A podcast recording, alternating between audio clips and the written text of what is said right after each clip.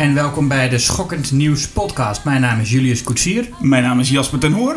en vandaag hebben wij het over van alles. Eh, hoe moet het ook weer? Wat, eh, wat gaan we ook weer doen? Oh ja, we gaan vandaag de Nightmare on Elm Street films rangschikken op volgorde van goed en leuk. Op volgorde van slecht naar goed. Ja, maar ook op volgorde van leuk naar, naar niet leuk. Of van niet leuk naar leuk. Ja, Ja. klopt. We hebben al een keer we twee eerder gedaan. Halloween Ja, en Friday the 13th. en ditmaal, we hebben nu voor mij alle films uit de oorspronkelijke reeks hebben we al eens besproken in een eh, reguliere, of nee, in een Julius versus Jasper. Klopt, ja, volgens mij Nightmare en alle theaterwerk van Ivonier. hebben- Is, dat zijn de twee reeksen die wij volgens mij compleet hebben besproken, toch? ja. Nou, Wel, Freddy vs. Jason en de remake nog niet. Allebei nog niet. En dat zou ook geen goede versus zijn, lijkt me. Want, eh, nou, we gaan nog niet spoilen wat we, wat we, wat we daarvan vinden. Nee, Maar, eh, want voordat wij beginnen aan de rangschikking, is het immers tijd om even te praten over wat wij de afgelopen tijd hebben gezien. En dan met name wat er nu in de bioscoop draait, Jasper. als we naar de bioscoop geweest zijn. Ik, ehm, onlangs wel. Ik dacht eerst, ik ga hier niks voor kunnen bedenken. Maar ik heb laatst Talk To Me gezien. En die heb jij ook gezien, geloof Die ik. heb ik ook gezien, ja. Dus laten we daar eerst eens iets over zeggen. Maar ik moet wel als eerste dan altijd eventjes een, een, een, nog één keer benadrukken hoe ik de film heb gezien. En dat is dus helemaal niks weten. Dus ik, eh, ik wist alleen een poster met een hand. En verder ook geen idee waar het over ging. En ja, ik kan bij deze, maar het is heel stom om dat in een podcast te doen waar je het gaat bespreken. Iedereen aanraden om deze film niet niks van te zien. Ik weet nog steeds niet of de trailer iets verklapt, maar ongetwijfeld meer dan als je hem niet gezien hebt. Ja. En dat vond ik heel fijn aan deze film ook. Dat ik was best wel lang zoekende van waar gaan we in vredesnaam naartoe. En dat, eh, dat waardeerde ik heel erg. Ja, ik had het ook. Ik had ook nog geen één trailer ervan gezien. Eh, en ik, eh, ik vond hem heel goed. Het is een, nou, laten we ook maar niks zeggen over het verhaal dan. Nee. Laat ik wel zeggen, want je moet toch iets erover zeggen. Dat het, het- ik vond het echt een mooie A24 tienerhorrorfilm. En dat is een combinatie die je niet per se verwacht. Dat het echt, het is echt tienerhorror, maar het is ook echt wat je van A24 verwacht. Is hij, eh, misschien heb ik het logo aan het begin. Is hij van A24 ook echt? Dat geloof ik wel. Oh, oké. Nou ja, van A24. A24 heeft hem gekocht. Het is een Australische eh, film. Maar, en A24 is de distributeur. Dus die hebben hem niet eh, ge- geproduceerd. Maar volgens mij hebben die hem uiteindelijk uitgegeven.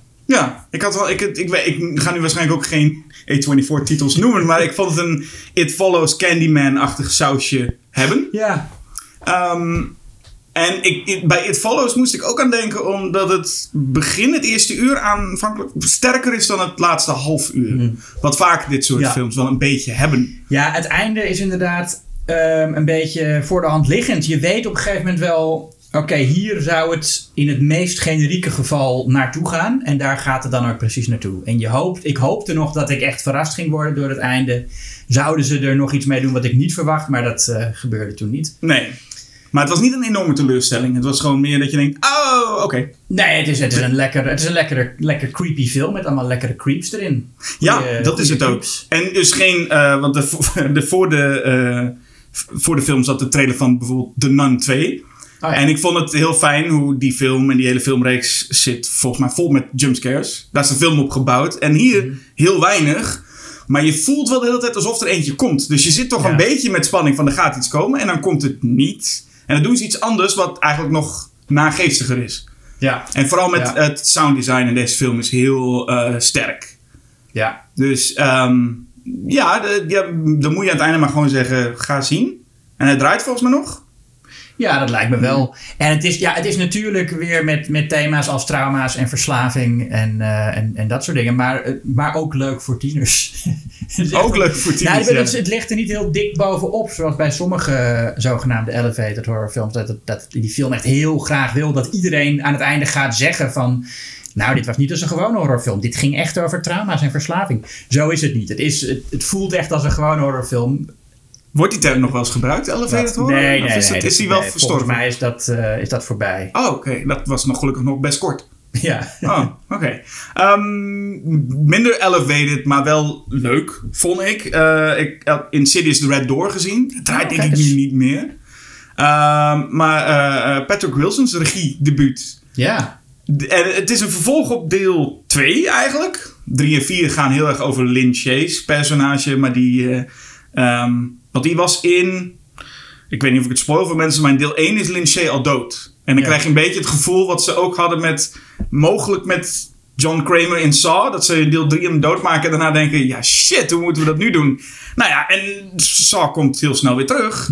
Met Tobin Bell als John Kramer. Dus het kan nog. Je kunt heel lang een filmreeks doorzetten. Ook als je hoofdpersoon niet bovennatuurlijk is, maar wel dood. Ja. En hier is het dus ook dat ze met Shay... Ja, je zit toch in een geestenwereld, dus we kunnen Shay nog wel gebruiken. Maar nu is het dan even weer de beurt aan Patrick Wilson. En Ty Simpkins. Kennen we die nog? Ty Simpkins, de, Ja. de- het, het veelbelovende acteur. Nou ja, hij, hij, hij zit volgens mij in best wel veel dingen. Maar hij was ooit het kindsterretje uit de Iron Man 3 en Jurassic World. En, Oh ja, ja. Nou ja, die eh, eh, heeft nu een, een soort hoofdrol te pakken. En je ziet ook dat Patrick Wilson, die de film dan regisseert, er echt een beetje een acteursfilm van wil maken. Dus het is een film met scares. Maar heel veel daartussendoor zit heel familiedrama in. Waar Patrick Wilson natuurlijk echt ook een belangrijke rol speelt. Ehm, het is, het is oké. Het is een oké film. Het is een- ik, vind het, ik vind het altijd leuk als filmreeksen een beetje proberen de hele filmreeks wel bij elkaar te houden. Dus niet te, gewoon te rebooten. Maar echt, nou ja, het, gaat echt door op wat er in deel 2 gebeurde. Ehm, maar het is wel zo dat aan het, beg- aan het einde van deel 2 hebben de twee personages, Patrick Wilson en Ty Simpkins, hebben laten hun geheugen wissen over dat stuk. Dus wij als kijker zitten heel lang te kijken naar personages die hun geheugen langzaam terugkrijgen. Waarbij wij als kijker heel al weten Oh, Wat er aan de hand is. vervelend, lijkt me. op een gegeven moment is het wel vervelend. Ja, het is nog niet heel erg, maar je ziet gewoon heel lang dat ze bezig zijn met... Oh, wat is er allemaal gebeurd? En wij als kijker, denk ik hoor. Ik weet ook niet hoeveel mensen in de bioscoop zitten... en nog precies weten wat er in Insidious Chapter 2 gebeurde. Maar verder is het een hele interessante gewoon aaneenschakeling van scares. Op een gegeven moment is er een scène bij, eh, met het MRI. Dat zit ook in de trailer, heb ik begrepen. Dat is een effectieve scène, maar het is gewoon wel willekeurig in het verhaal dat Patrick Wilson denkt: ik ga maar eens even een scan laten maken, want volgens mij is er iets mis met mij. Puur om dan daar een scare te krijgen. Dus het Ah, voelt ja. een beetje als we hebben een kom met allemaal. Ja, maar dat, dat, was de eerste in series toch ook al? Was toch ook gewoon een soort Ja, maar dat- best-of compilatie? Wel een beetje, maar dat voelde nog wel als we hebben gewoon een spookhuisfilm en daarbinnen gebeurt het. En hier gaan ze gewoon dingetjes doen. Op een gegeven moment moet Patrick Wilson een geheugenspelletje voor zichzelf doen. En dan plakt hij op het raam allemaal memorykaarten. En dan gaat hij ze één voor één omdraaien. En super omslachtig dat hij dat op het raam doet. Want dat kun je gewoon op tafel doen. Maar hij plakt ze echt op het raam en dan haalt hij ze eraf. Maar dat is om een leuke scare ding te krijgen met... Oh, er staat iemand achter het raam. Dat kun je op Ja, tafel ja, ja. iets minder doen. Ja. Dus zo, ze, ze bedenken het gewoon om leuke scares te, te krijgen. En soms werkt het, soms werkt het niet. Dus Ja. niet een heel bijster, eh, eh, groot, heftig betoog voor Insidious The Red Door. Maar als horrorreeks vind ik het nog niet... En we gaan het zo meteen nog over een horrorreeks hebben. Maar ik vind het niet heel gek. Vijf best oké films in die Insidious. Ja, ik, vond, ik vind de eerste eigenlijk best matig en, en daarna vind ik het nog minder worden. Nog minder worden. Ja, nou, ik heb, ik heb chapter 2 gezien. Eh daarvoor, nee, daar zat ik tegen het einde, had ik echt de neiging om boe te roepen. Tijdens Oh. de bioscoop. Ik snap het ook. Eh, het, is, een- het is een film die wel veel gekker wordt. Maar ik vond dat heel maar fijn. Die, die ene onthulling over die vrouw in die jurk, weet je wel, die enge vrouw. Ja. Die ook, dat, op het moment dat, dat, dat die achtergrond daarvan onthuld wordt, Mhm. dacht ik echt van nee, dit is, dit is al zo, dit is zo'n dom cliché. Ja. Eh, nee, dus Ja. daar was ik absoluut op tegen. Waar, waar ik niet helemaal op tegen was, Mhm. wat nu ook draait, is The Last Voyage of the Demeter. Demeter? De Demeter. Nou, nee, ik Ja. weet niet wat het, het is. Een, het is een, eh, een eh, eh, Russisch schip. Ik weet niet hoe je dat dan uitspreekt, maar volgens mij is het in de titel van de film gewoon Demeter. Ja, oké. Nee, ik, ik, ik weet dat ik... Ik heb de trailer gezien van deze film toen. En ik dacht... Hé, hey, iets Nosferatu. Ja. Toen dacht ik... Oh, oh, het is misschien toch iets met Dracula. Want dat zeggen ze ook. ja. En toen zag ik deze titel. En toen dacht ik... Oh, wat is dit nou? En ik vroeg me ook af... Waarom, waarom zou je voor deze titel gaan? Het is niet een titel die toch verkoopt? Nou ja, ik, nee, ja als, kijk, als je het boek Dracula kent, en dan, dan zul je weten, eh, oh, de Demeter, dat is het schip waarop Dracula naar Engeland komt in het boek. Oh, oké. Eh, er zit één hoofdstuk in en dat is het logboek van de kapitein. En daarin beschrijft hij, nou, we zijn aan boord van het schip en er is eh, alle de bema- bemanning verdwijnt op mysterieuze wijze. Mhm. En uiteindelijk komen ze aan en het, het eindigt er ook mee dat, nou, dat, die, dat die kapitein opschrijft van ik besluit mezelf maar eh, aan het stuur vast te binden. En in het volgende, het volgende hoofdstuk begint met een krantenknipsel. Want heel Dracula is allemaal knipsels en fragmenten, hè? Dat Ja. boek. Ja. Dus een brieven- en dagboeknota. Nou, dus, eh, eh, maar goed, dat, dat hoofdstuk, dat is dus wel, best wel een briljant idee om dat te verfilmen. Hè? Van we gaan gewoon dat, dat ene hoofdstuk pakken we. De meeste mensen die iets van Dracula weten, weten wel dat hij op een schip naar Londen komt. Ja. Dus eh, we- nemen gewoon dat ding en dat wordt de hele film. En, en daar is verder niet, niet heel veel over bekend. Er zitten niet echt uitgewerkte personages in het hoofdstuk of zo. Dus dat kun je er allemaal zelf bij verzinnen. Je kunt een heel verhaal verzinnen. Mhm. En je hebt eigenlijk gewoon Alien op een oud schip met Dracula. Dat is wat het is. En vandaar dat ik heel erg aan Nosferatu moest denken natuurlijk. Want dat, Ja. daar zitten, die hebben we onlangs besproken. Die twee Nosferatu's. Waarbij inderdaad die kapitein zichzelf aan het schip vastbindt. Ja. En eigenlijk zeggen ze nu, wij vertellen wat daar allemaal gebeurde. Ja, precies. Wacht, dan overleeft toch niemand? Of in ieder, geval, het Nou, einde is toch nee, wel het- bekend dan, denk ik? Nou ja, nee, zij, het- zij doen het wel. Het, zij maken het einde iets anders. Oh, oké, Eh, Maar eh, dat, dat hoeft geen. eh, dat, dat hoeft de film niet te verpesten. Maar, en dat hoef ik ook niet te verklappen. Maar ehm, nou ja, het is, het is een heel briljant concept, vind ik. Ehm, het is- ik vraag me dan af, kijk, als het nou. Want in sommige landen heet hij wel iets met Dracula. Iets van Dracula Sea of Blood of zo heet het dan. Wat, dan een, wat, een, wat een horror, een meer verkopende titel is, denken ze dan. Ja. Maar je kunt aan de ene kant zeggen: Dracula. Iedereen kent het, dus het zal wel verkopen. Mhm. Maar je kunt ook de andere kant op denken: Dracula, dat kent iedereen, maar niemand vindt Dracula meer echt eng. De- als je het woord Dracula hoort, denk je niet van: hoe, ik ga lekker griezelen. Ja, en we, En, hebben natuurlijk, we zijn natuurlijk ook wel licht doodgegooid met Ja. van we gaan, oh, we gaan nog een keer de, de Dark Universe opstarten. Ja, en dan ja, is misschien dat Dracula zelfs wel tegenwerkt. Ja, nee, dat, en, ja, want de laatste jaren is Dracula, als hij al in films is verschenen, meestal of een soort melancholische anti-held. Mhm. Weet je wel, zoals in Coppola en, en, eh, en, eh, en, die, en die Dracula Untold. Dat bedoel je bij onlangs. Nou ja, De dat, twee niet, ja de, laatste, nou ja, de laatste paar decennia. Je had ook nog Ja, ja. Frank Ne- Langella. Hè, daar daar was hij ook een beetje een anti-held. ja. Eh, of hij is natuurlijk nou ja, de Graaf Tel-achtige grappenmaker voor kinderen. Oh ja, die, ja, ja, Dat- Hotel Transylvania. Ja, ja daar, die heb je ook, ja. Dus het is, hij is niet meer echt een eng monster, wat hij hier dus wel moet zijn. Ze gaan ook terug naar een, ja, een op, op het Nosferatu-ontwerp gebaseerd monsterachtig ontwerp. Het wordt gespeeld door die acteur. Ik ben zijn naam nou kwijt. Die hele lange, magere acteur die ook in Rec en in The Conjuring 2. en- Javier Botet. Ja, Ah, dat hem. Ja, Die je belt als Doc Jones niet kan. ja precies. Ja. Ja, klopt. Die, klopt. eh, ja, die heeft een rubberpak aan. Mhm. En eh, nou, dat, doet hij, dat doet hij heel goed. Maar ja, het is wel... Het Wacht, is- spre- spreekt hij dan, of is het een spoiler, maar spreekt hij ook niet, zeg maar? Is het Nee, Dracula is ook gewoon echt een monster? Nee, hij zegt helemaal niks. Ja, nee. Oh, het is, eh, hij pas in de laatste. Nee, maar nou, dus, nou, wordt, nou neig ik een beetje te spoilen. Maar Oh, hij, ja. nou, hij wordt, hij, uiteindelijk, als hij op land is, eh, dan lijkt hij meer op een mens, zeg maar. Maar op het schip is hij nog wel echt een soort vleermuisachtig, men- Ah. mensachtig monster. Ehm, maar eh, ja, het is wel. Het is een heel goed concept, maar het is dus de meest generieke uitwerking van dat concept die je maar kunt bedenken. En dat vond ik wel jammer. Hij is van André Orvedal, die eh Trollhunter heeft gemaakt. Ja. En Scary Stories. Scary Stories, wat ik een, een, een leuke tween horrorfilm vond. Zeker. Ja. Ehm, maar ja, dit is wel, ja, nee, het, is, ja, het is gewoon super generiek. En eh, Dus gewoon de horror op de boot, dat is eigenlijk juist het deel wat helemaal niet zo heel ja, interessant nee, het, zijn, wordt. het, zijn, het zijn gewoon allemaal, ah, ja, al, al die persen, weet je, die bijgelovige zeelui op die boot. en die dan zeggen, en, en, en de kapitein die zijn laatste, hij zegt ook, het wordt mijn laatste rit. voor, voor mijn pensioen. Ja, precies. Hij zegt, "Wordt- dit wordt mijn laatste, mijn laatste vaart. Ja. Eh, en dan zit er een dokter op het schip die dan de intelligente, analytische held is. En, eh, en eh, dus dat- het begint ook al, wel, dat is wel grappig. Dat, dan takelen ze zo die kist aan boord waar Dracula in zit. Mm. Eh, Want hij gaat dus in een kist met aarde. Ja. Maar er worden heel veel kisten met aarde, die moeten dan mee. En die hebben dan het zegel van de draak. En dan zit een van die, van die mensen in de haven, die wil dan niet mee met het schip. Die zegt, nee, maar dat is vervloekt. Kijk, dat zegel, de draak. Ik ga niet mee hoor. Ik van, waar- waarom laat je dat zegel op die kist zetten waar je in gaat liggen, graaf Dracula? Oh, dat, oh, dat mensen daar nog bang van worden? Nou, dat, als je weet dat het zegel van de draak en, en dat je weet dat mensen daar bang voor worden, dan waarom doe je dat überhaupt op die kist dan? Wil wel een beetje cool zijn nog. Ja, Ja. nou ja, goed. Hmm. Maar dat is, dat is die film. Hij is, eh, eh, ja, het is allemaal best goed gedaan voor wat het is, maar er zit geen enkele originele keuze of verrassing in.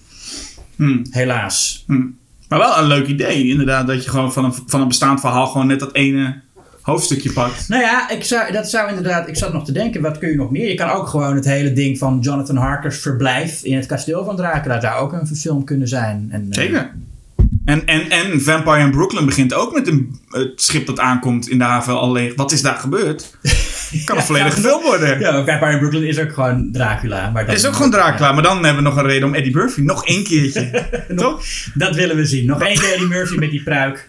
Nog één keer dat hij, dat, eh, dat hij zegt: eh, I make a great fusilli. Ja. Ja. Oké, ehm, ik, heb, ik, heb, ja, ik heb ook niet heel iets magers, maar ik denk ik ga het toch mm, even benoemen. Eh, ik weet niet of er luisteraars zijn die überhaupt nog The Walking Dead interessant vinden. Ik was een beetje gaandeweg afgehaakt, maar heb het wel volgehouden. Ik heb ze alle elf seizoenen gezien, denk ik. En nu is het gestopt. Met een heel totaal niet-zeggend einde. Het is gewoon echt bijna gewoon gestopt. En nu zijn er dus vijf, zes mini-serietjes aangekondigd. Waarbij dus alle personages in hun eigen serie doorgaan. Dus je dacht eerst nog, oké, ze stoppen nog wel. Maar nu stoppen ze eigenlijk niet. Ze gaan eigenlijk gewoon op vier verschillende manieren door. En de eerste serie is nu eh, uit. Dat waren vijf of zes, zes afleveringen. Dat is Walking Dead Dead City. Met eh, eh, Jeffrey Dean Morgan als Negan. En Maggie Lauren Cohen. En ik dacht, ik ga toch kijken. Ik weet niet waarom. Maar ik doe het mezelf aan. Ik ga het toch kijken. En er zit iets in. Met dat, ik weet niet of je Walking Dead ooit iets van gevolgd hebt. Of, Nee. nee. Nou ja, het is een, gaandeweg een, een, een soort soap geworden. Het begon echt wel sterk. In de, in de, in de eerste ja- eh, jaren. Ehm, maar op een gegeven moment werd het heel erg een soap. Met echt zoveel aandacht aan allemaal personages die je niks zeggen. En oh, we hebben het geld is weer op. Dus laten we deze aflevering weer naar twee mensen die boerenkool aan het verbouwen zijn. En dan hebben ze een half uur een gesprek.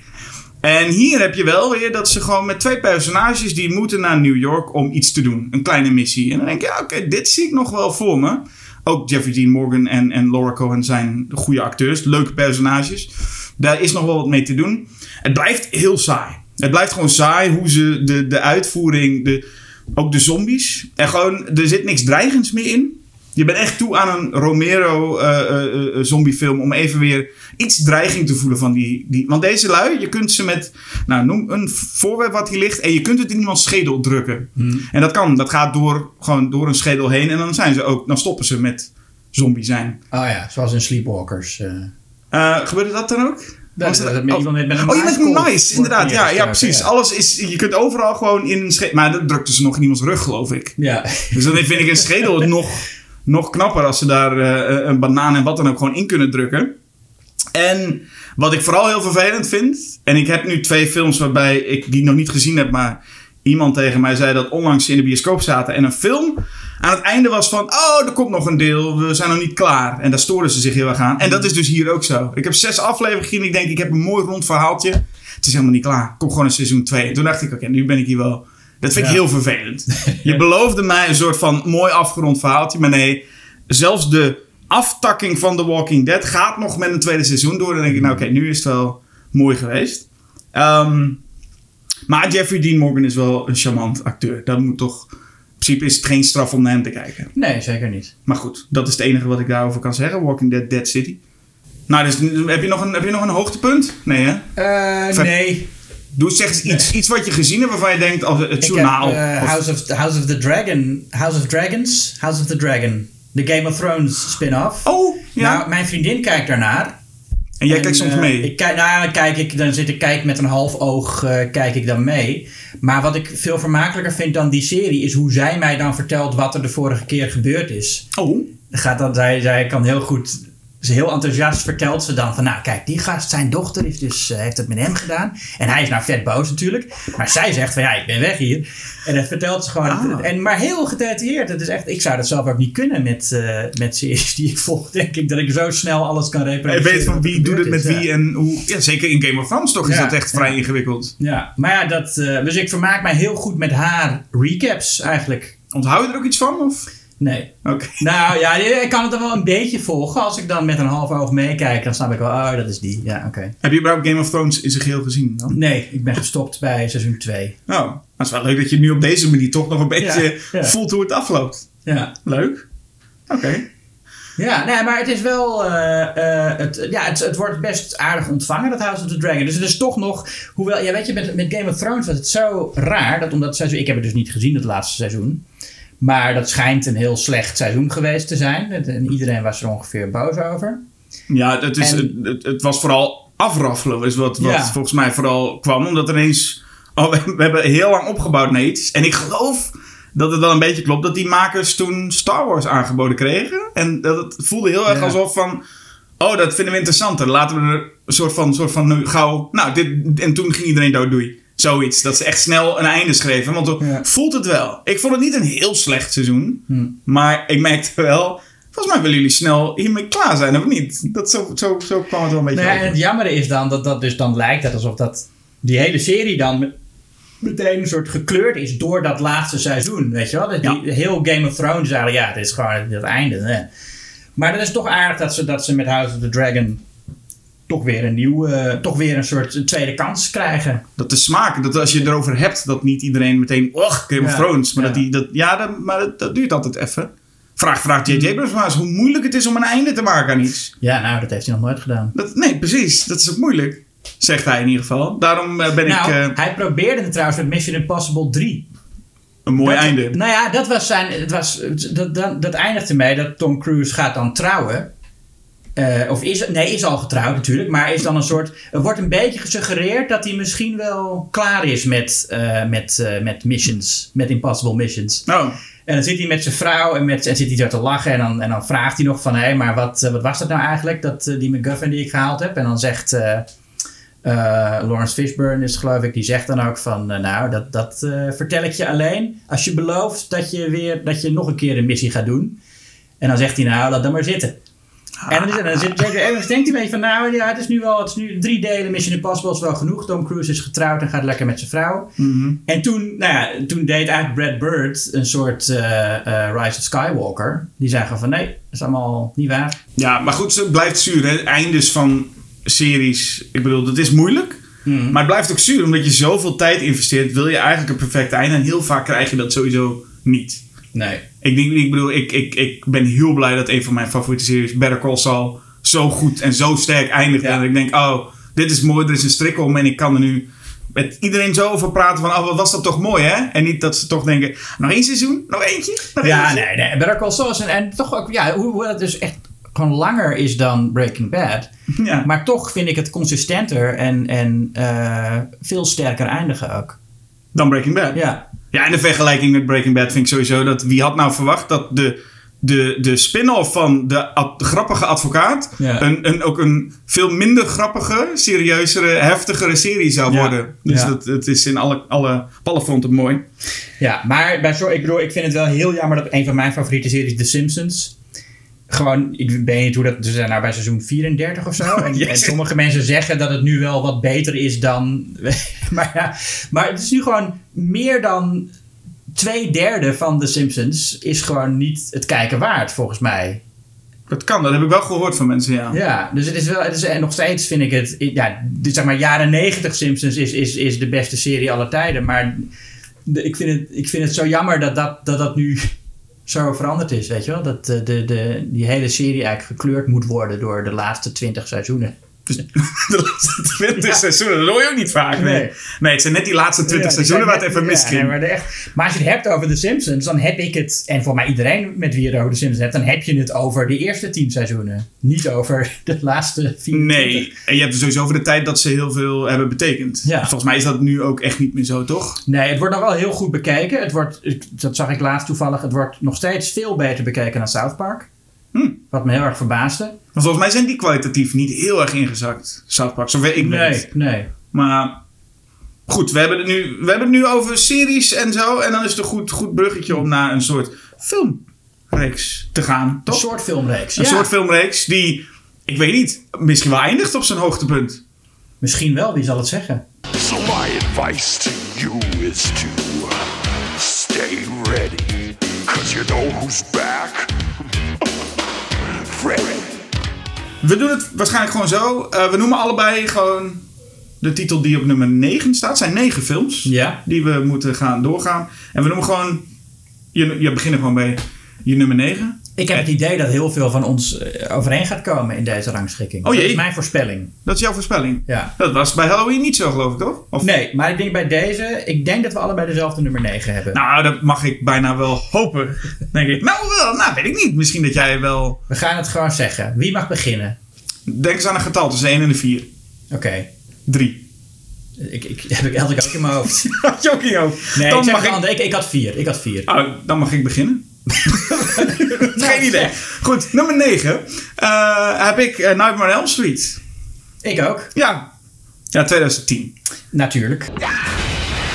A Nightmare on Elm Street. Ja. De remake. Jackie Earl Haley. Ja, hoe kan het ook anders? Nou, nee, trouwens niet door wat je nu zegt, Jackie O'Haley. Want die, dat was een van de weinige dingen die... Dat was een van de weinige acteurs die volgens mij in die film rondliep... die er nog Ja, wel was- iets van wilde maken. Ja, dat was toen ook een, best wel een, een populaire acteur onder een bepaald slag filmnerds. Omdat hij eh, eh, Rorschach had gespeeld in Watchmen. En dat was een beetje de enige aan Watchmen waarvan heel veel mensen zeiden dat is wel in orde. Ik vond dat zelf, was het daar ook helemaal niet mee eens. Ik vond dat hij eh, Rorschach veel te veel als een eh, iemand speelde die zich echt bewust was van hoe duister Hmm. zijn geest is. Terwijl Rorschach zichzelf juist als een held ziet. Maar goed, Ja. maakt niet uit. Maar hij had wel, hij had wel een hoed op. hij had een hoed op. En dan, dan is het moeilijk... Voor, dan denk je, ja... Nee, maar ik dacht ook van, nou, Jackie Earl Haley als Freddy Krueger. En ik vind het ook wel jammer dat hij eh, daarna ook niet echt meer. Dat heeft niet echt. Dat is niet meer doorgezet, hè? Dat hij zo, zo'n soort acteur is geworden. Die dat. Die, Nee, ik, ik ken hem vooral van eh, Little Children. Waarin hij volgens mij zelfs voor een Oscar genomineerd is. Ja. In een bijrol. Ehm, en dat was ook een hele sterke rol. Waarbij je gewoon ziet, het is een hele goede acteur. En het is een hele goede bijrolacteur. Een beetje, ik zou zeggen, een soort van kaliber. eh, niet helemaal, maar een beetje Philip Seymour Hoffman of, of Paul Giamatti. Gewoon een acteur die in... eh, eh, een bijrolacteur die hele interessante types kan spelen. En dan kiezen ze inderdaad hem voor, eh, voor Freddy. Maar stoppen hem dan met een soort make-up en maken hem dan onverstaanbaar. En Ja. en nemen eigenlijk alles van hem weg. Want je kunt zeggen wat je wil van Robert England, maar die acteert de hele tijd door die make-up heen. En je merkt dat Jackie O'Haley het niet lukt om door die make-up laag heen te komen, lijkt het. nee. nee, maar hij wil hem ook. Hij wil hem wat subtieler en enger maken ook. En, eh, en daarom wil je het ook wat, net, wat, nou, net wat kleiner maken. Maar dan soms heeft hij opeens weer van die one-liners die ze erdoor Ja, gooien. dat is ook sowieso iets. Ze willen dan, How's this for a wet dream? Ja, en dat, dat staat helemaal niet bij hem. Terwijl op het moment dat hij gewoon een beetje viezig is, werkt het best. Als, als hij gewoon een beetje viezig aan het gniffelen is, dan, dan, dan is hij nog wel vies. En dat is wel, dat is wel Ja. fijn. Maar hij werkt gewoon niet als een clown. Nee, en het is, ja, het is, het is, ze hebben eigenlijk alleen maar de meest makkelijke generieke keuzes gemaakt voor die remake. Het is gewoon, ja, ze willen het, ze doen eigenlijk gewoon de eerste film na. Maar dan met af en toe willen ze Freddy nog een beetje inderdaad de, de, de clown laten zijn. Ja. En ehm, wat, wat het zoveel gemiste kansen ook qua droomscènes. Als je je voorstelt, Ja, wat, ja. je, de, de- want het is, hij doet het eigenlijk alleen maar met, met die messen aan zijn handen.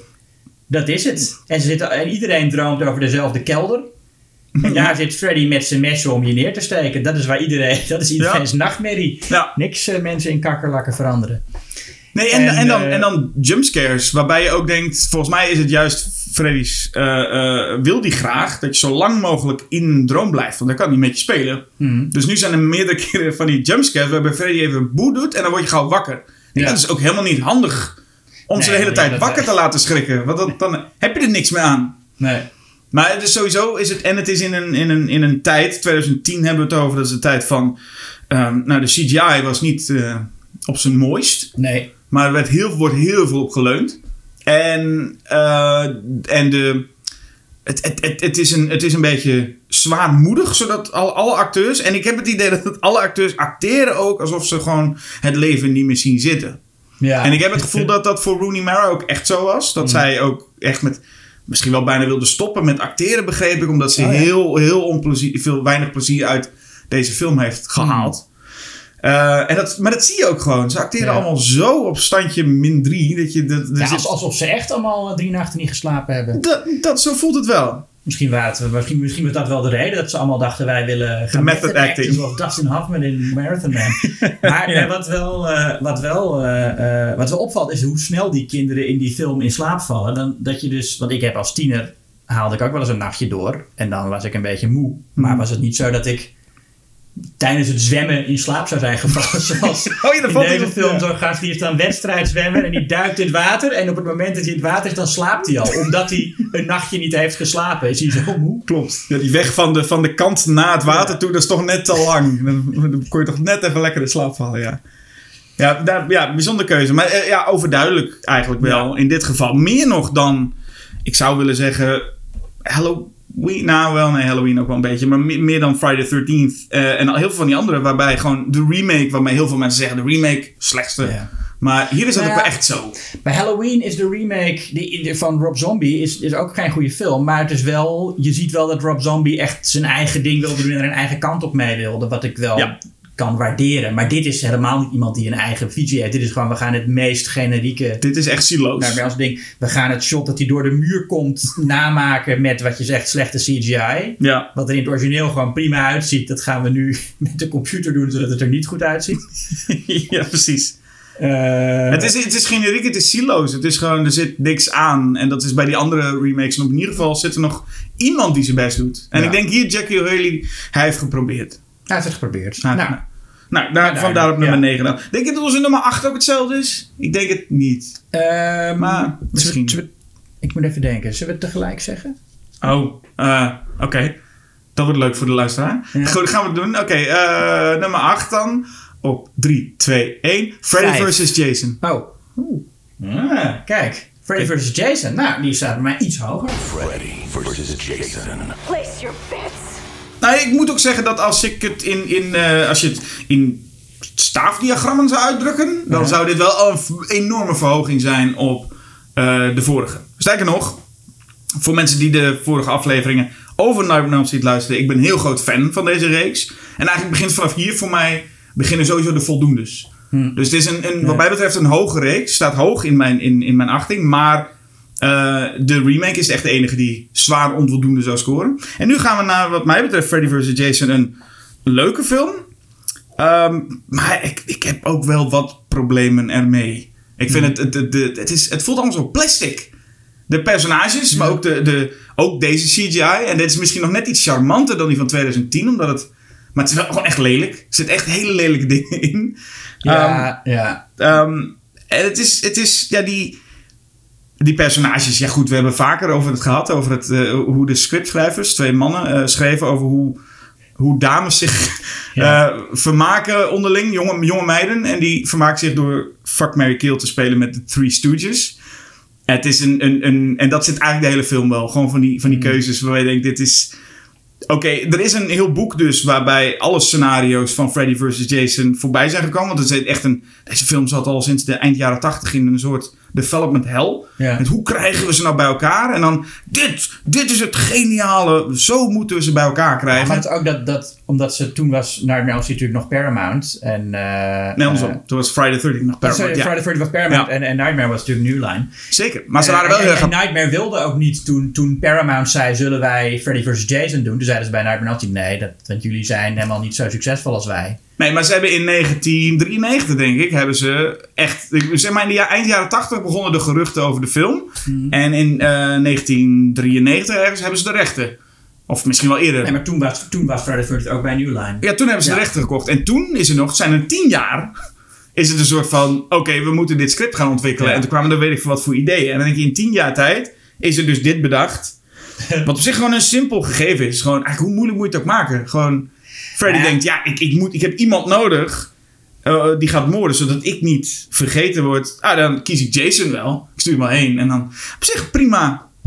Prima Ja. uitgangspunt verder. En je weet wat ze dan zeggen: Freddy is gestorven door vuur, Jason door water. Hoe kunnen we dat gebruiken? Ja. En het antwoord is niet. Want daar doen we helemaal niks mee. Ja. En Maar die zin zit wel mooi in de film. Het is echt, ja, het is een mooie zin, ja. Maar dan, en dan vervolgens komt er aan, in de derde acte een, een soort gevecht aan, aan kabels. Iets waar Ronnie Yu dan eh, vooral zijn ding mag doen. Ja, Ronnie Yu die had, toen, die, was, die had toen net ook Bride of Chucky gemaakt. Waarmee Mhm. de Child's Play reeks een soort nieuwe, frisse herstart had gegeven. En ze dachten, dat mag je dus ook bij vs. Jason doen. Met zijn hippe stijl en zijn eh nu metal soundtracks. Ja. En, eh, ja. Maar deze film is wel gewoon een stuk minder leuk geschreven dan, dan Bride of Chucky. Mhm. En, en is gewoon, het is niet zo heel geestig. Het is niet, het is niet, het is niet slim. Het is vooral gewoon leuk lomp. Het heeft iets geestigs op dat vlak. Maar het is... Vooral de personages, eh, Will en, en, en... Er zit een heel verhaal over de- die moeder. Die dan doodgegaan is. En dat zou die vader mogelijk gedaan hebben. Maar het is een beetje zoals... zoals, Ja. zoals eh, ik hoor wat House of the Dragon soms ook is. En die heeft dan met die. En die zit dan zo. En, en, maar dat, dat het boeit echt helemaal niemand. Dat is echt heel oninteressant allemaal. Ja. Je wacht gewoon tot Freddy en Jason op de vuist gaan. En dan zie je dat een tijdje. En dan denk je, ja, oké, dat is best, best leuk. Ja. Maar Ja, ik, ik, ben, eh, ik, vind, ik ben wel liefhebber van de sfeer van die film. Eh, ik denk, nu ik terugkijk naar de vroege jaren 2000, ik heb ook een beetje nostalgie naar de tienerfilms van toen. En ik vind het leuk dat dat nog een tijd was dat, dat Kelly Rowland, weet je wel, van Destiny's Child, dat je daar gewoon echt de, een van de zangeressen van de grootste meidengroep ter wereld in een vervolg, in een horrorvervolg zit. Dat, Ja. dat is toch een mooie tijd geweest. ja, Ehm, dat die toen nog zo, ja, zo erg leefde. En, eh, eh, maar ik moet zeggen, ik ben in, als de finale begint. ehm, ik vind het, het, begin heel leuk. En, en, en ik vind het ook heel leuk dat die tieners eh, meteen heel veel dingen begrijpen aan hoe het allemaal werkt. Ze hebben het ook heel snel door. Het is net als de gast in The Thing. Dat ze echt ja. zo snel kunnen be- bedenken hoe dat, hoe, hoe dat beest werkt. En er komt ook een agent, toch? De- Die agent, die, die acteur weet ik even niet hoe die heet, maar die zit ook in een scary movie. Maar dat is een agent die komt ook ineens binnen. En die, de- al die jongeren zitten dan bij elkaar. En dan zegt die agent, nou, ik zou, ik zou jullie even wat vertellen. En dan gaan ze bij elkaar zitten. En dan vertelt die agent ook gewoon precies perfect de lore van beide, van beide personages. Nou, Ja, maar dan tegen het einde vind ik het. Nou ja, kijk, het probleem, wat mij betreft, is als, je- als je in een dream. Als je in een, als je in een droomwereld zit, dan heeft Freddy sowieso eh, de macht over Jason. En als ze uit de droomwereld zijn, dan, ja, dan heb je gewoon Jason die veel sterker is en Freddy die gewoon een verbrande oude man is. Dus als Ja. je ze dan ziet vechten met elkaar, dan zie je dat Freddy soms ook van die worstelmoves doet. en zo met, met zijn elleboog Ja. dropt op Jason. Ja, maar dit, dit, dit ziet er dus een beetje gênant uit. En, eh, en ik vind Maar ik het, zou er ik- gênant er toch uitzien als, als het echt een oude verbrande man was. Want die was in één keer blazen weg. Ja, nou ja, ook dat. Maar, maar ik vind ook, ik, hou, ik ben ook niet zo'n liefhebber van de Jason in deze film, eh, die ook ehm, mensen meters door de lucht smijt. Dat doet hij in deze film. En dat is Nou, ja. een soort super Jason. Ik denk als je gewoon de Jason van, nou, van deel 4, wat nog wel een, gewoon, een, een, gewoon een sterke gast was, Ja, dat zou denk ik een gewaagdere eh, eh, tegenstander zijn. Nou, dat zijn een beetje de geruchten die toen kwamen. Dat mensen toen zeiden van... Oeh, wat als Freddy ten tijde van waarschijnlijk deel 3. eh, Dream Warriors. En dan ten tijde van bij wijze van spreken Jason uit deel...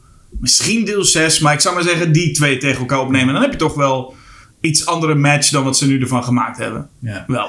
Want het was niet, ja, want Kane Hodder had het graag willen doen. Ja, die stond ook onder contract zo ongeveer. Die Ja. was ook bijna echt betrokken. En zou tot het allerlaatst echt werd er gezegd van... Ja, jij wordt het. Jij Ja. wordt het. Maar En toen hadden ze het niet gedaan omdat ze hem nog te klein vonden. ja, Er moest iemand zijn die nog groter en Volgens mij wilde Ronnie Yu wilde vooral gewoon echt dat dat, Ja. dat, dat, dat David en Goliath effect hebben. En dat Robert England niet per se een super kleine persoon is. En Kane Hodder niet super groot is. Ehm, merkte je gewoon als je die tegen elkaar over elkaar zet. Ja, is het verschil niet zo heel leuk. Dus toen kwamen ze met een eh, Ken Kersinger, een stuntman. Die in eh, eh, eh, Jason Takes Manhattan al zat. Ah, dus ja. die was ooit was al een soort van stunt coördinator. En is hij nou ook degene die Kane Hodder later in de...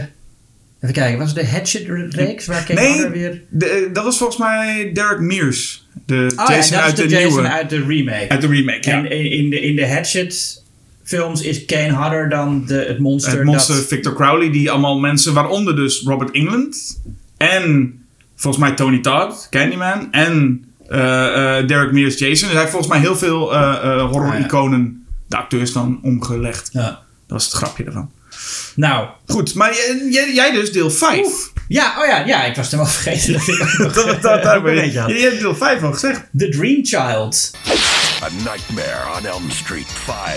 The Dream Child. It's a boy! Ja, ik ga Ja. trouwens meteen mee, want deel nummer 7 is voor mij deel 5. Oh ja, nou, de, de, de Dream Child. ehm, ja. weet je, ik vind eh, Yvonne leuk in deel 5. de kleding, hè? De kleding. De kleding, de kleding. Ze heeft een stuk of duizend outfits aan en ze zijn allemaal goed. Ja. Ehm, ja, ik, het is wel... eh, eh, het is een film die het dan weer wat duisterder wilde zijn dan deel 4. En die toon ligt niet helemaal lekker. Ik vind het soms wel een lekker gothic sfeertje hebben, maar ik vind de, de kills zijn gewoon... het zit net niet lekker, weet je wel. Nee. Het is net niet heel grappig of heel leuk. Het is meer gewoon een beetje onprettig als, als hij dat meisje aan het gaat, gaat force-feeden en dan al dat eten in haar gezicht propt. Hmm. Aan de ene kant is het een beetje cartoonesk dat ze van die grote wangen krijgt, maar het is ook naargeestig en ik, ik vind het niet fijn om te zien. Nee, het was heel gek. Want volgens mij is het ook zo dat ze dachten... Ah, we gaan het iets duisterder doen dan de clown die we in deel 4 hebben gekregen. En tegelijkertijd dachten ze... Ja, maar het- dat is wel wat verkoopt. En volgens mij zijn die twee verschillende meningen... gewoon Ja. gebleven allebei in het script. Ja. Maar je ziet ook... Er was volgens mij deze film ook tijdens de stakingen gemaakt. Dus je ziet ook dat er qua script echt heel veel problemen zijn. Ja. Het is ook echt een rotzooi, het hele, deze film ook. Ja, ja, ja. Ja, en er zit ook een soort raar abortus Ja? in. Wat, wat eh, niet echt iets waar... Ik denk van, nou, ik ga nou naar mijn Amsterdam kijken. Ik, ik ben benieuwd wat zij over abortus eh, te zeggen hebben. Ja, ze voelden dat dat dat een soort van, oh, we willen met de doelgroep meegroeien. Toen was het echt van, oh, de doelgroep was toen zo oud.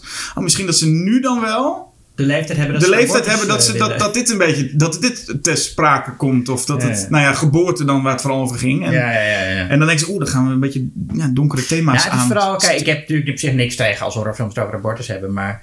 Eh, wel- als er in diezelfde film iemand in een motor verandert. Haast. Nou ja het, ja, het is... Nou, ook dat niet eens per se. Maar ik vind het een beetje een soort rare pro-life boodschap lijkt het te hebben... als zij het, het kind ontmoet dat ze dan gaat hebben, weet je wel? Is het zo'n klein jongetje dat Ja. zit te praten in de dromen... en dat is dan het kind dat zij zou gaan hebben als ze het niet weg laat halen. Ja, maar zij twijfelde, Alice twijfelde ook nooit om het weg te Nee, laten nee, halen. nee, Dus maar zich- dat, nee, natuurlijk niet. Maar, maar dat zou ze wel moeten doen, want het is een Freddy baby. Nou, het is, ze moet zo, moet, moet, Freddy moet weg zien te krijgen. Ja, ik nee, heb het idee dat, het, dat het inderdaad... Want, want, of in ieder geval Freddy Baby. Freddy probeert het ervan te maken, toch? Freddy Ja, dat is baby zo, slaapt altijd. En via, zijn, via de dromen van de baby komt hij... Het is ook allemaal een beetje, een beetje ver gezocht allemaal. Het allemaal. Je had ook wel weer iets simpeler gekund. Maar het concept... En dat was volgens mij ook het concept uit de posters en zo. Was Freddy wordt vader. Zoiets, dat begreep Ja, ik ja, ook als tagline. Maar hij staat ook op een, bij- een wieg. Bij een wieg inderdaad, ja. ja. En dan doet hij zo... St, Ja, van, met zijn vinger voor zijn mond. Ja, Maar niet, niet zijn eh messenvinger. Gewoon een normale Nee, gewoon een normale vinger, ja. zoiets. Ja, anders denken mensen misschien wat ze aan het doen met het mes. Gaat hij dat kind eh, opensnijden? Dat moeten we niet hebben. Nee, dat zou, dat zou heftig zijn. Oh ja, dat, ik wou nog zeggen dat het, het is zo'n zo'n puinhoop. Want je kan ook echt niet, niet terughalen wat er aan het einde echt gebeurt. Dat er, Aan het einde gebeurt het is zoveel rotzooi. Xangerdix komt nog even langs. Oh ja, de baby, baby Ja. eh, Freddy, ja. Nee, het einde gebeurt echt zoveel dingen dat volgens mij in het script ook stond... Hier, doe maar wat. Ja. En dat doen ze. Ja. Nee, dus deel 5. Maar ehm, jouw deeltje... Nee, ja, jij bent nu met zeven, Mijn denk deeltje ik. 7. Nou, daar kunnen we ook op zich... eh, eh, hoeven we weinig woorden aan te besteden. Want dat is gewoon eh, Freddy versus Jason. Oh, Freddy versus Jason. ja, oké. Eh, denk ik. Ja, dat is toch wel nummer 7. Ja, ja dus laten we dat... eh, daar hebben we het net, net over gehad. Ja, dus je hebt ze gewoon net omgedraaid dan. Ja, of nee, nee, wacht even. Dat is niet waar. Nee, laat ik het anders doen. Mijn nummer 7 is Freddy's Dead. Freddy's dead. The final nightmare. Deel 6. Oh, gaan we ineens wisselen? Ja, ik zat in mijn hoofd zat ik te denken, zoals ik dat eigenlijk altijd in mijn hoofd doe, Ja. dat ik toch liever Freddy vs. Jason zie dan, dan, Freddy's Dead. Nou ja, kijk, Freddy's Dead is, het is gewoon een heel slechte film, vind ik. Het is ook wel een leuke film om te zien. Maar er zit heel veel in waarvan ik denk, nee, dit is, kijk, het is, het is heel lekker gek. En, en, als, en ik heb hem ook pas heel laat gezien.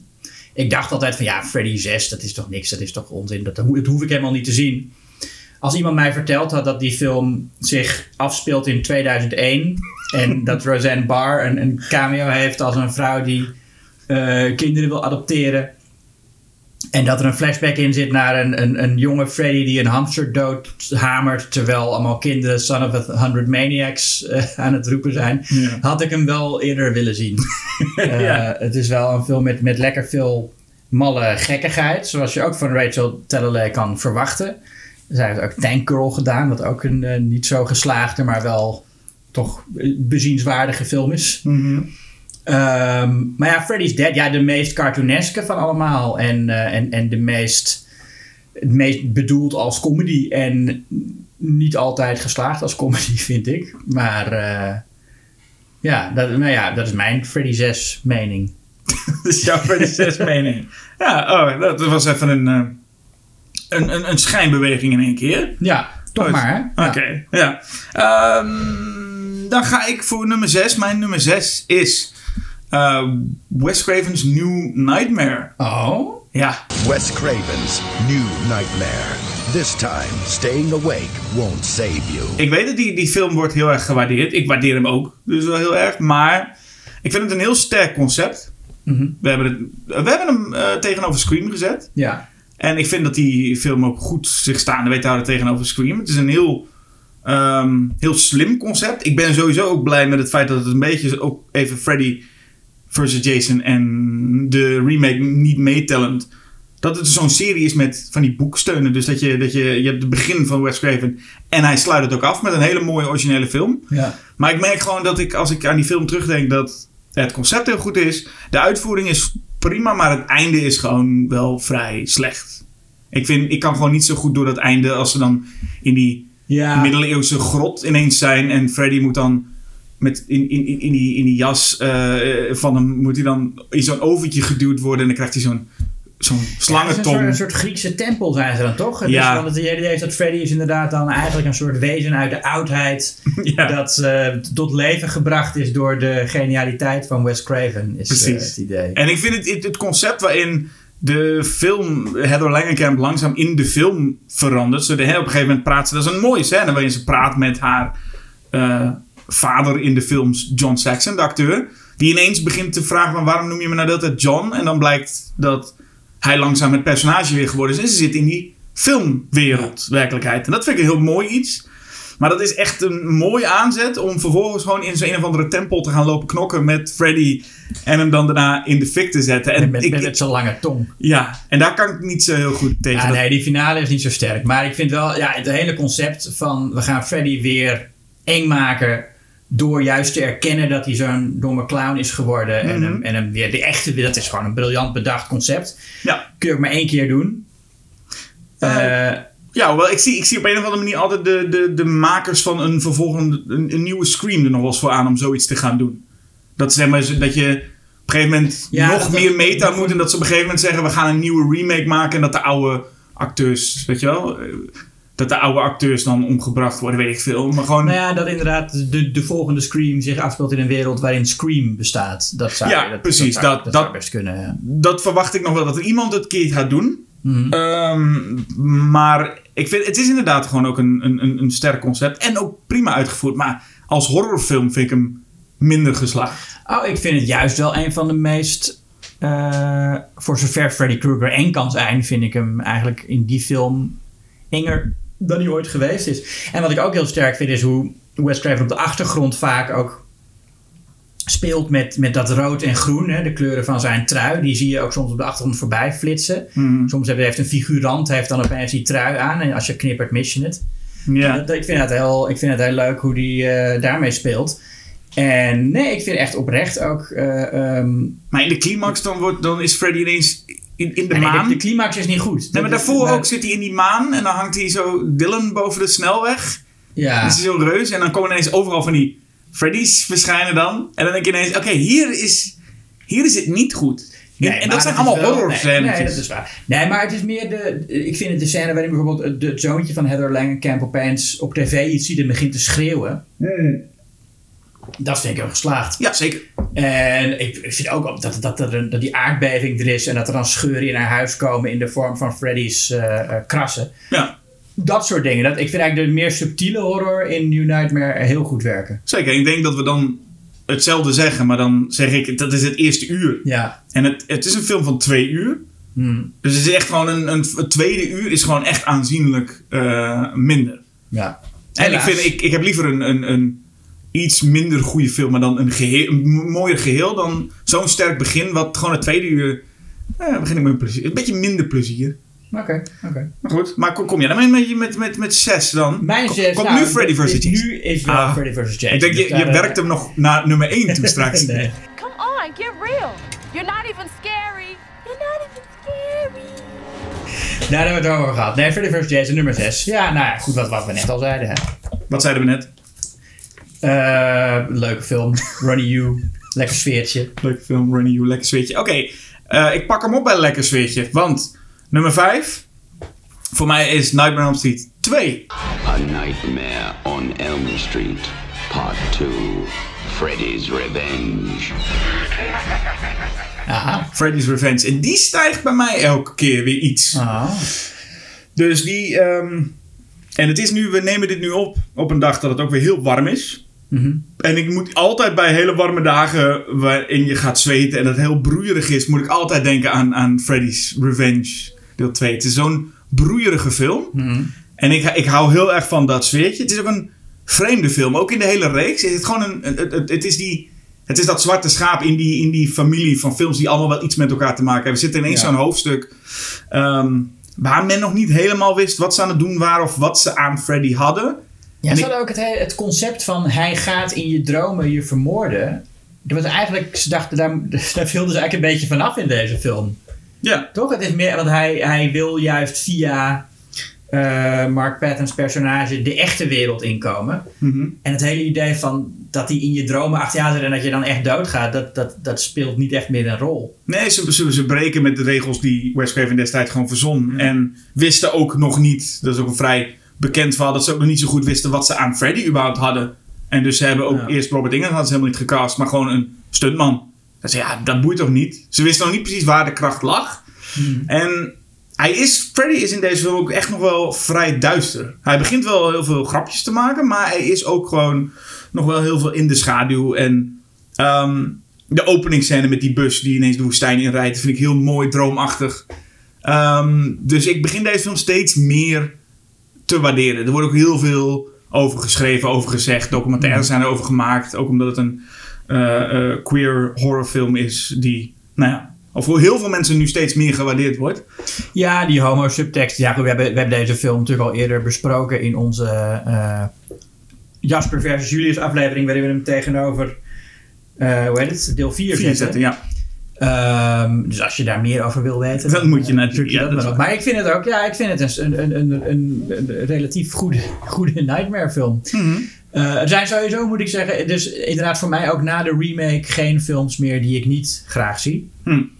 Eh, maar deze is wel, ja, ik vind het heel leuk dat er, er zitten echt een soort, soort Cronenberg-achtige momenten in. Dat, dat, dat Freddy zo uit het lichaam van Patton komt is mooi gedaan. En ja, de, de- ook niet alleen eh, visueel als Cronenberg, maar ook eh, waar het over gaat, weet je wel. Dat Freddy een deel is van Mark, dat hij, of hoe heet, hoe heet zijn personage? Nou ja, Jesse. Jesse.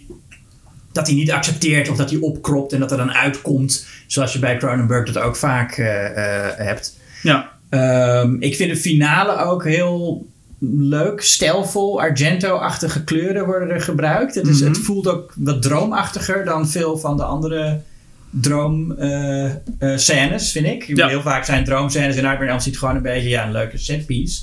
Maar hier voelt het einde, of de finale in elk geval, dat hij ook naar die, naar die, naar die fabriek gaat. En met die, die hond tegenkomt. Dus dat voelt echt veel meer als een droom. Ja. ja, ja, klopt. Ja, eigenlijk als we er zo over praten, zit ik steeds meer te neigen. Ah, hij moet eigenlijk nog iets hoger. Dus ik, eh, ik, Ik ik heb hem hoger. Maar volgende, ja. volgende rangschikking denk ik dat hij hoger komt. Ik laat hem nu maar even zo staan. Nou.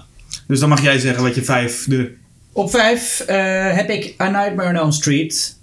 Vier, The Dream Master. A Nightmare on Elm Street, Part 4. The Dream Master. Dat is hem. Dat is hem. Ehm, ja, eh, ook, ja dit, dit, hier beginnen ze wel. Hier begint voor mij de reeks echt eh, heel leuk te worden. En ik vind hier zitten een aantal van de allerbeste kills in natuurlijk. De kakkerlakken transformatie is misschien wel mijn favoriet uit de hele serie. Eh, maar dat hij iemand leegzuigt is ook wel een erg goeie. Dat, dat is een heel, heel leuke pop is daarvoor gebruikt. Ja. En op school ook. Dat is ook een fijne Ja. plek natuurlijk om eh, in je horrorfilm voor tieners... Ja, ja. om een moord te laten plaatsvinden. Gewoon in het de leslokaal. Ja. Nou, Eh, een helaas, logische plek om in eh, slaap te vallen trouwens dan in het zwembad. Ja, dat, ja, ja, ja. Ik vind, ja, er zijn twee dingen. Nou, helaas zit er ook een van de minst leuke kills in, namelijk de karate, eh, karate kid eh, kill. Ja. Dat Freddy onzichtbaar is, omdat Robert Englund die daar niet, niet kon die dag. Of Ze wat hadden was ook geen geld meer over volgens mij. Ze was echt gewoon... Ze hadden gewoon... Ze konden, ze konden hem niet meer betalen. Dus dachten ze, nou, dan is Freddy nu onzichtbaar. En dan hebben we gewoon een gast die... Ze hebben wat doek, witte doeken opgehangen. Die lieten ze een beetje zo wapperen. Ja, en dan rent hij daar tussendoor met zijn, eh, met, met, met zijn witte pakje. ja. Is het nou karate of kung fu wat hij doet? Eh, pff, geen Ja, idee. Zij is, Volgens mij doet hij geen van in beide. dit geval, nee, precies. In dit geval maakt het sowieso niet uit. Maar goed. En dat Freddy hem dan, nou, dat is een beetje een waardeloze kill.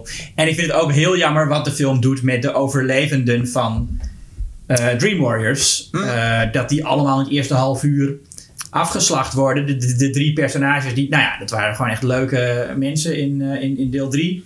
Bij, bij, bij eh, eh, Tuesday Night kun je nog twijfelen omdat het ook door een andere actrice wordt gespeeld. Dus heb je er misschien iets, meer, bin- iets minder binding mee Ja, dat Patricia oké. Arquette niet terugkeert. Maar inderdaad, het is een beetje het Aliens 3 effect hè? Van Ja, personages waar je van houdt en dan ineens... Ah, nee, maar die zijn dood, we gaan door naar de volgende. Ja, precies.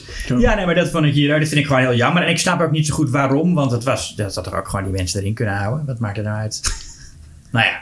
Ja. Eh, maar ik denk, ik gok, maar ik, dit is niet helemaal 100% bevestigd. Maar ik gok dat het een beetje ook is om. ehm, want het is niet alsof de acteurs moeilijk te krijgen waren, et cetera. Die hadden het prima gedaan. Maar Hmm. ik gok dat het een beetje het gevoel is van. Nou ja, laten we zeggen, psycho. Het idee van, oh, als je nu deze mensen vermoordt, dan is niemand veilig. Dat idee. Ja, Dat we dat zouden voelen van, oh, zijn deze mensen ook dood? Maar ja, door ze zo alle drie af te tikken, voelt het wel heel erg van, we, mo- we moeten deze even kwijt. Dan kun je pas ja, met een nieuwe ja, film nee, beginnen. dat, dat is het, ja. Ja. Robert Englund zegt zelf dat hij dus deze twee als een double bill eh, eh, heel zou, zou aanraden. Drie en vier. Ja. Hmm. Ja, dat is gek, hè? Want hij werd een keer gevraagd naar wat zijn mening. En toen zei hij dat, hij, dat deel 5 voor hem een van de beste is. Echt waar? Ja, en dat een double bill van 3 en 4 vond hij ook heel goed werken. Oh. Ik weet dat als je Robert England wordt vaak gevraagd wat zijn, zijn favoriet is. En hij zegt volgens mij al jaren is zijn vaste antwoord New Nightmare. Dat hij dat Ah. ook gewoon... Ja, en misschien is dat ook voor hem... Oh, ik mocht echt acteren als mijzelf. Dus dat is natuurlijk voor hem ook prettig. Dat hij Ja. even mocht... eh, eh, Nou, hij werd gevraagd naar waarom hij eh, dacht dat de remake het niet goed had gedaan. mm, En toen zei hij ook dat, de, om, hij, dat ik weet niet of dat een beetje een rare eh, mening vind ik dat, maar hij zei dat is waarschijnlijk ook omdat toen tegelijkertijd met die remake kwam er ook een boxset uit met al die dvd's van de oude films. En dan konden mensen dus meteen vergelijken. En die oude films, die, die they hold up, zei hij. En toen deed hij dus zijn idee van especially part 5. En They had just released the deluxe Blu ray, digitally remastered uh, box set of all of my movies. And those movies look great that way. And they hold up, especially parts five, a double bill of three and four. sowieso waarom die film het slecht deed is natuurlijk... Een, een- want, want Nightmare on Elm Street, de remake, was echt een hit. ja, maar waarom hij zo slecht Maar- ontvangen was. Maar het slecht ontvangen is... In, ja, sowieso dat... Wat heel veel critici ook een beetje zeggen van... Ja, we missen Robert England. Dat, gelukkig zegt hij dat nog niet van zichzelf. nee. Hij is ook heel lyrisch over Jackie O'Haley. En volgens mij lyrisch ook over... Ja, nee, eh, dat is ook... en hij, hij oppert altijd heel vaak nieuwe ideeën rondom een nieuwe Nightmare. Hij zegt ook... Waarom kan Freddy niet totaal iets anders zijn? Ook dat is een beetje het idee van... Je hebt een droom werkelijk. eh, je hebt een droomwereld. Dus waarom niet. Zoals een beetje wat Pennywise ook doet. Gewoon verschillende gedaantes. Verschillende. Ja. Veranderen in alles wat je maar kan. Alles kan Freddy zijn. En dan is het ook een beetje van. Je hebt alles in je droom. En dan blijft hij gewoon een beetje een verbrand mannetje met dezelfde trui. Dus in principe is dit daar ook wat in natuurlijk. Dat als je niet die ene iconische acteur krijgt. Misschien moet hij wel alles. Ja? Freddy kan alles zijn. Maak hem eens lekker onzichtbaar. Eh, Onzichtbaar. Ga ermee eh, karate Ja. doen. Ja. Goeie. Ehm, nummer 4 voor mij. Ja, dat is een beetje persoonlijk. Het is, het is Freddy's Dead.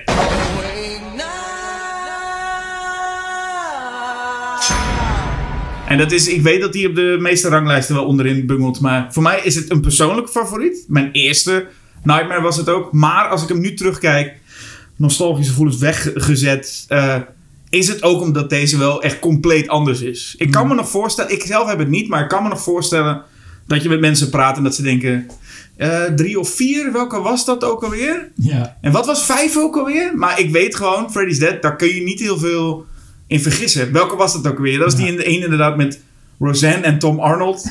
En met Johnny Depp in een, in een, in een cameo. En, en met eh, eh, een videospelletje. Waar die Nintendo de Power Glove heeft. En waar, waar het einde ineens in 3D is op een of andere manier. En Eh, Allemaal flashbacks inderdaad. En droomdemonen die rondvliegen. Het is gewoon niet... Het is gewoon moeilijk voor te stellen. Met The Wizard of Oz, daar komt hij gewoon op een bezem komt hij aanvliegen. Als heks verkleed. Als heks verkleed. En ik... Ik weet niet. Het is, het is zo ongelooflijk Looney Tunes. Dat ik dat heel fijn vind. Dat ze gewoon dat volledig hebben omarmd. En ik snap dat je... Of dat in ieder geval mensen die meer wilden of serieuzer wilden... daar heel teleurgesteld in zijn. Maar ik vind als je dan denkt... Ik wil na zoveel keren wel wat anders... Heb je ook wel echt met Freddy's Dead wat je wil. Althans, iets anders. Dat heb je. dat krijg je sowieso. Weet niet of het per se is wat je wil als je zegt ik wil eens wat anders. Nee, nou ja. Maar, ehm, eh, ja. maar je krijgt wel echt iets anders. Dat is ontegenzeggelijk zo. Het is echt iets anders. En dat is natuurlijk ook zo dat bij New Nightmare ook weer echt zo is. Wat dat betreft is deze reeks ook wel meer nog dan een Friday the 13th en Halloween. Dat de serie wel bij elke film iets, meer, iets anders geeft dan veel Halloween of, Ja? of, of, of Friday the 13th vervolgen. Ja, nou ja. Neem bijvoorbeeld mijn nummer 4. Deel 2 Freddy's Revenge. You've got the body. I've got the brain. Is ook echt iets anders. Freddy's Revenge is echt iets anders, ja zeker. Eh, ja, ik, daar hebben we net ook al over gehad en heb ik ook al genoeg over gezegd. Ik, ben also, ja, ik vind Mark Patton dus wel echt een van de betere eh, helden in deze film. Ook, eh, Ja. Ik vind ook echt een goede rol van hem. naast nog alle homo-subtekst die, waarvan hij zich ook wel bewust was. Nee, maar hij speelt het echt heel goed. Ja, Ja, klopt. En ik vind ook zijn... ehm, de band die hij heeft, niet eens zozeer met Lisa, maar de band die hij heeft met... Gewoon als de vriendschappelijke band met eh, Robert Rustler. Vind ik ook mooi. En vind ik ook veel meer zeggen. Als ik bijvoorbeeld denk aan Freddy vs. Jason. Waar ik zeg wel de platte personages. Vind ik dat hier al meteen zo'n vriendschap tussen die twee jongens... ja. Waar nu met subtekst veel meer achter gezocht wordt. Maar überhaupt gewoon hoe ze allebei gewoon een eh, echt nou ja, eigen type zijn. Dat zie je al niet zo vaak. Nee. Dus Nou. eh, mooi. Goed, goed. Eh, drie. Ik ben top drie materiaal. Top 3 materiaal. Ik ga voor eh, nummer drie eh, naar eh Nightmare on Elm Street 4. The Dream Master.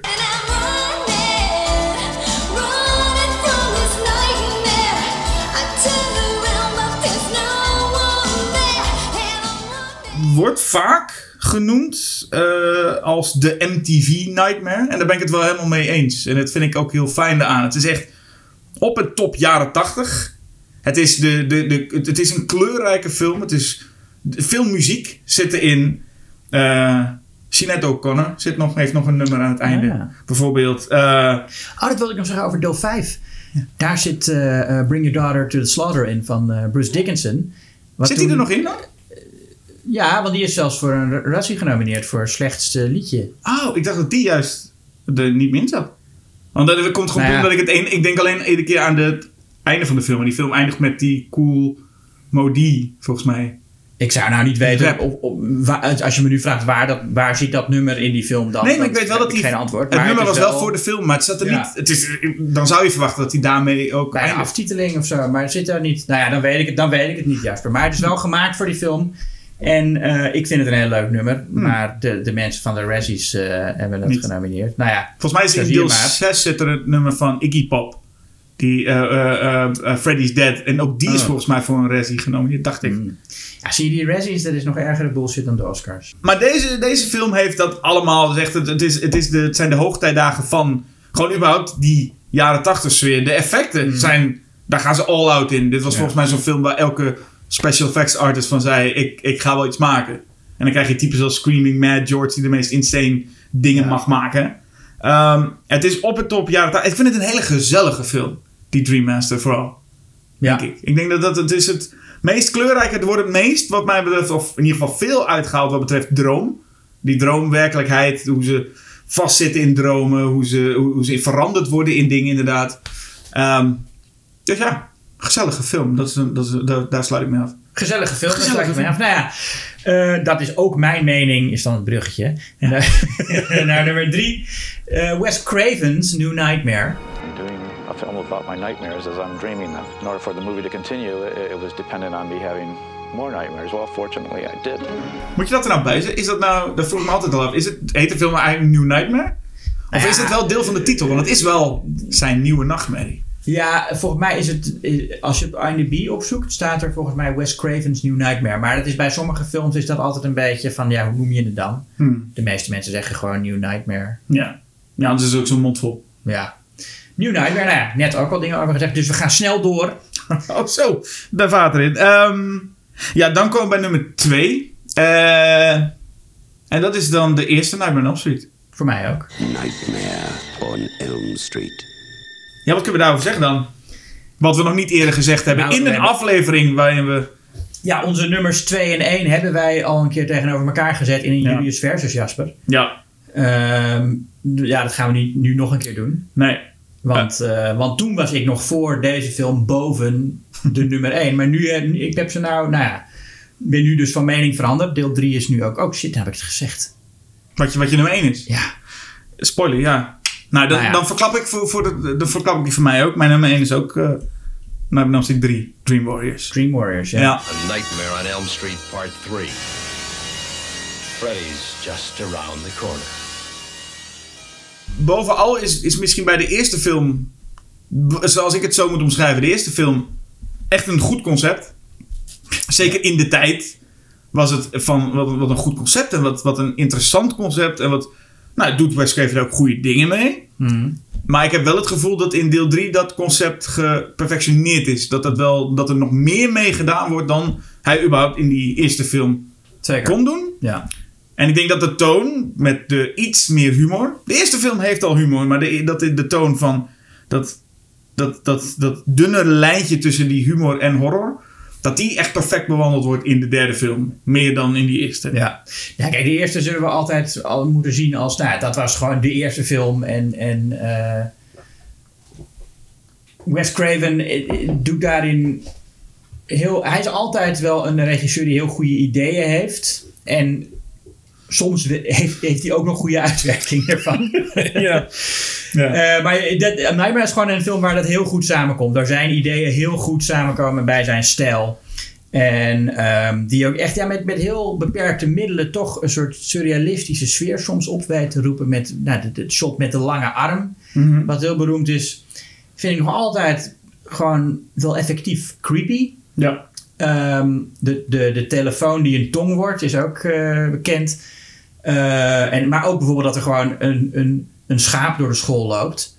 Of dat er een, een, een, een meisje in een, eh, in een eh, hoe noemen we zo'n plastic zak. Lijkzak? Een lijkzak. Ja, maar is dat, die zijn niet van plastic. Ze zit echt in een doorzichtige zak. Nou, dan is het een doorzichtige lijkzak. Ja, maar die, die zo door die school wordt gesleept. ja, klopt. Dat, dat, is, dat is niet lollig of zo, weet je. Dat is Nee. gewoon echt een, een, een fucking eng beeld als je dat zou zien in het echt. Zeker, als je, want dat, en ook de manier hoe het uitgevoerd is. Zij zit in de klas, zij kijkt even opzij en in de deuropening staat dan haar vriendin in zo'n lijkzak haar aan te kijken. Ja. En ook zonder, dat is niet heel bombastisch of een schrikmoment van Nee. gemaakt. En dat maakt het heel... Nee, dat was toen echt oprecht creepy en dat Ja. weet hij ook echt goed te doen. En daarnaast is hij inderdaad, eh, ehm, nou ja, je ziet wat, waar Wes Craven vaak mee bezig is, is met familie en hoe familie eigenlijk altijd niet goed werkt in, eh, in, eh, in, in Amerika. Hè. Mhm. Nou, met, met People Under the Stairs zie je, dat is een soort parodie op het, op het ideale gezin. En in eh, nou, die films die wij hebben besproken laatst, Deadly Friend en... Shocker. Shocker zit ook dat thema, weet je, zit ook van je familie kun je, kun je niet echt vertrouwen. Mhm. En dat is hier natuurlijk ook zo, want het gaat, die ouders die hebben hun kinderen voorgelogen en, en, en de kinderen worden daarvoor gestraft. Dus je kunt je ouders niet vertrouwen en jij wordt daar ook nog eens het slachtoffer van. En dan moet je ze ook nog eens gaan redden aan het einde. Ja. Dan moet Nancy moet haar moeder eh, redden, die eh, zich klemzuigt en zo. En, en brengt zij haar moeder naar bed en eh, weet je, zoals, een, zoals je eigenlijk andersom zou moeten zijn. Ja, klopt. En ja, dat thema, dat wordt, dat wordt ook nog verder uitgewerkt in deel 3. Waar Klopt. Ja. je echt allemaal volwassenen hebt in autoriteitsposities die de kinderen ook ac- actief tegenwerken. Terwijl eh, ehm, de tieners eigenlijk alles eh, eh, meteen weten. Ja. Het is een heel, eh, een heel tijdloos thema ook, want elke generatie tieners weet het natuurlijk beter dan de ouders, zeggen ze. Daarom spreken er ook zoveel tieners aan. En super tof ook om je hoofdpersoon uit de eerste film terug te halen. En die dan juist deel te maken, niet van de tieners Ja. meer. Maar juist nu als een van de volwassenen die ze wel begrijpt. Ja, en dat, dat is voor mij, voor mij is dat echt het meest emotioneel geslaagde moment in de hele serie. Is dat, dat zei ik, zei ik in die aflevering ook. dat Nancy binnenkomt, dat, dat, ze, dat Patricia Arquette daar dat liedje zingt. Of nee, dat Nancy binnenkomt en One, Two, Freddy Comes For You doet, weet je wel? Ja, ja de, de, hoe heet dat, eh, eh, Kirsten, die zingt dat liedje en dan maakt Nancy het af. En dat is de eerste keer dat we Nancy dan zien en ik weet, hey, Ja, en dat is, dat is zo'n mooi moment. Dat is echt zo van, ik, ik heb dat trauma ook meegemaakt. Ik En snap wij- je. Ja, ja, ja, prachtig. Ja, heel mooi. Dus het is eigenlijk deel 2, Nightmare on Elm Street. Een ijzersterke film die nog steeds staat. En dan 3, hoe ze daar nog iets meer mee weten te doen. Ja, ja ook het hele droomthema natuurlijk nog grotesker. En eh, ik vind dat Ray Harryhausen skelet ook zo leuk. Ja. Dat dan zo uit op die, die begraafplaats tevoorschijn duikt. Ja, klopt. Ja. Ja, daar zit het al een beetje in wat ze met Freddy's Dead misschien dan nog het meest doen. Is, is gewoon, we doen maar gewoon van alles. Want het is dromen. Dus laten we gewoon lekker gek doen. En hier, hier proeven ze al even aan. En ik denk dat ze daar nog net een stapje verder gaan in Dream Dat is wel duidelijk een iets minder geregisseerde en geschreven film, denk ik. Maar het is gewoon fijn, want je hebt nu een concept waarvan je denkt, we kunnen lekker los. En dat is natuurlijk waar de makers van een Friday the 13th misschien tegenaan liepen. Dat ze op een gegeven moment wel denken, ja, we kunnen ook niet zo heel veel meer met, met Jason. Maar met Freddy heb je toch iets in handen waarvan je denkt, ja, hoe, eigenlijk misschien soms nog wel lastiger. Je hebt een personage die denkt, alles kan hè, alles. Ja. Ja, ga maar eens doen. En daarom is het nog extra om het maar weer rond te maken. Als nou alles kan, is het toch heel raar waar Samuel Bayham in, in, in 2010 mee kwam. Ja. Dus dat, Ja, nee, dat is eh, dan liever, nou ja, Chuck Russell, die overigens natuurlijk wel vaker met een personage heeft gewerkt dat eh, alles kan. Daarna in de, in de Mask, toch? de Mask, ja zeker. Ja, zit ik, hij denk, ook. Zat ik in, ik zie. ik denk misschien ga je niet over de Scorpion King hebben, maar eh, de, de Mask, ja. Nee, ik bedenk me nu pas dat, hoeveel die films op elkaar lijken. Dat, dat de Mask ook een soort Freddy is. de gek dat ik dat nu pas bedenk. Ja, goed.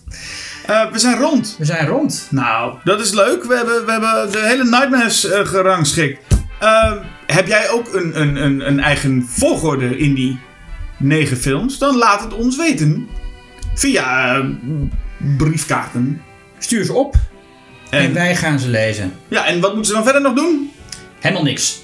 Mooi. Oh, dan nee, zijn nee, ze snel ze, klaar. ze mogen een abonnement nemen op deze podcast en ze moeten alles liken en reviews achterlaten. Eh, dat helpt ons allemaal enorm. En een abonnement nemen op het blad en de website schokkendnieuws.nl.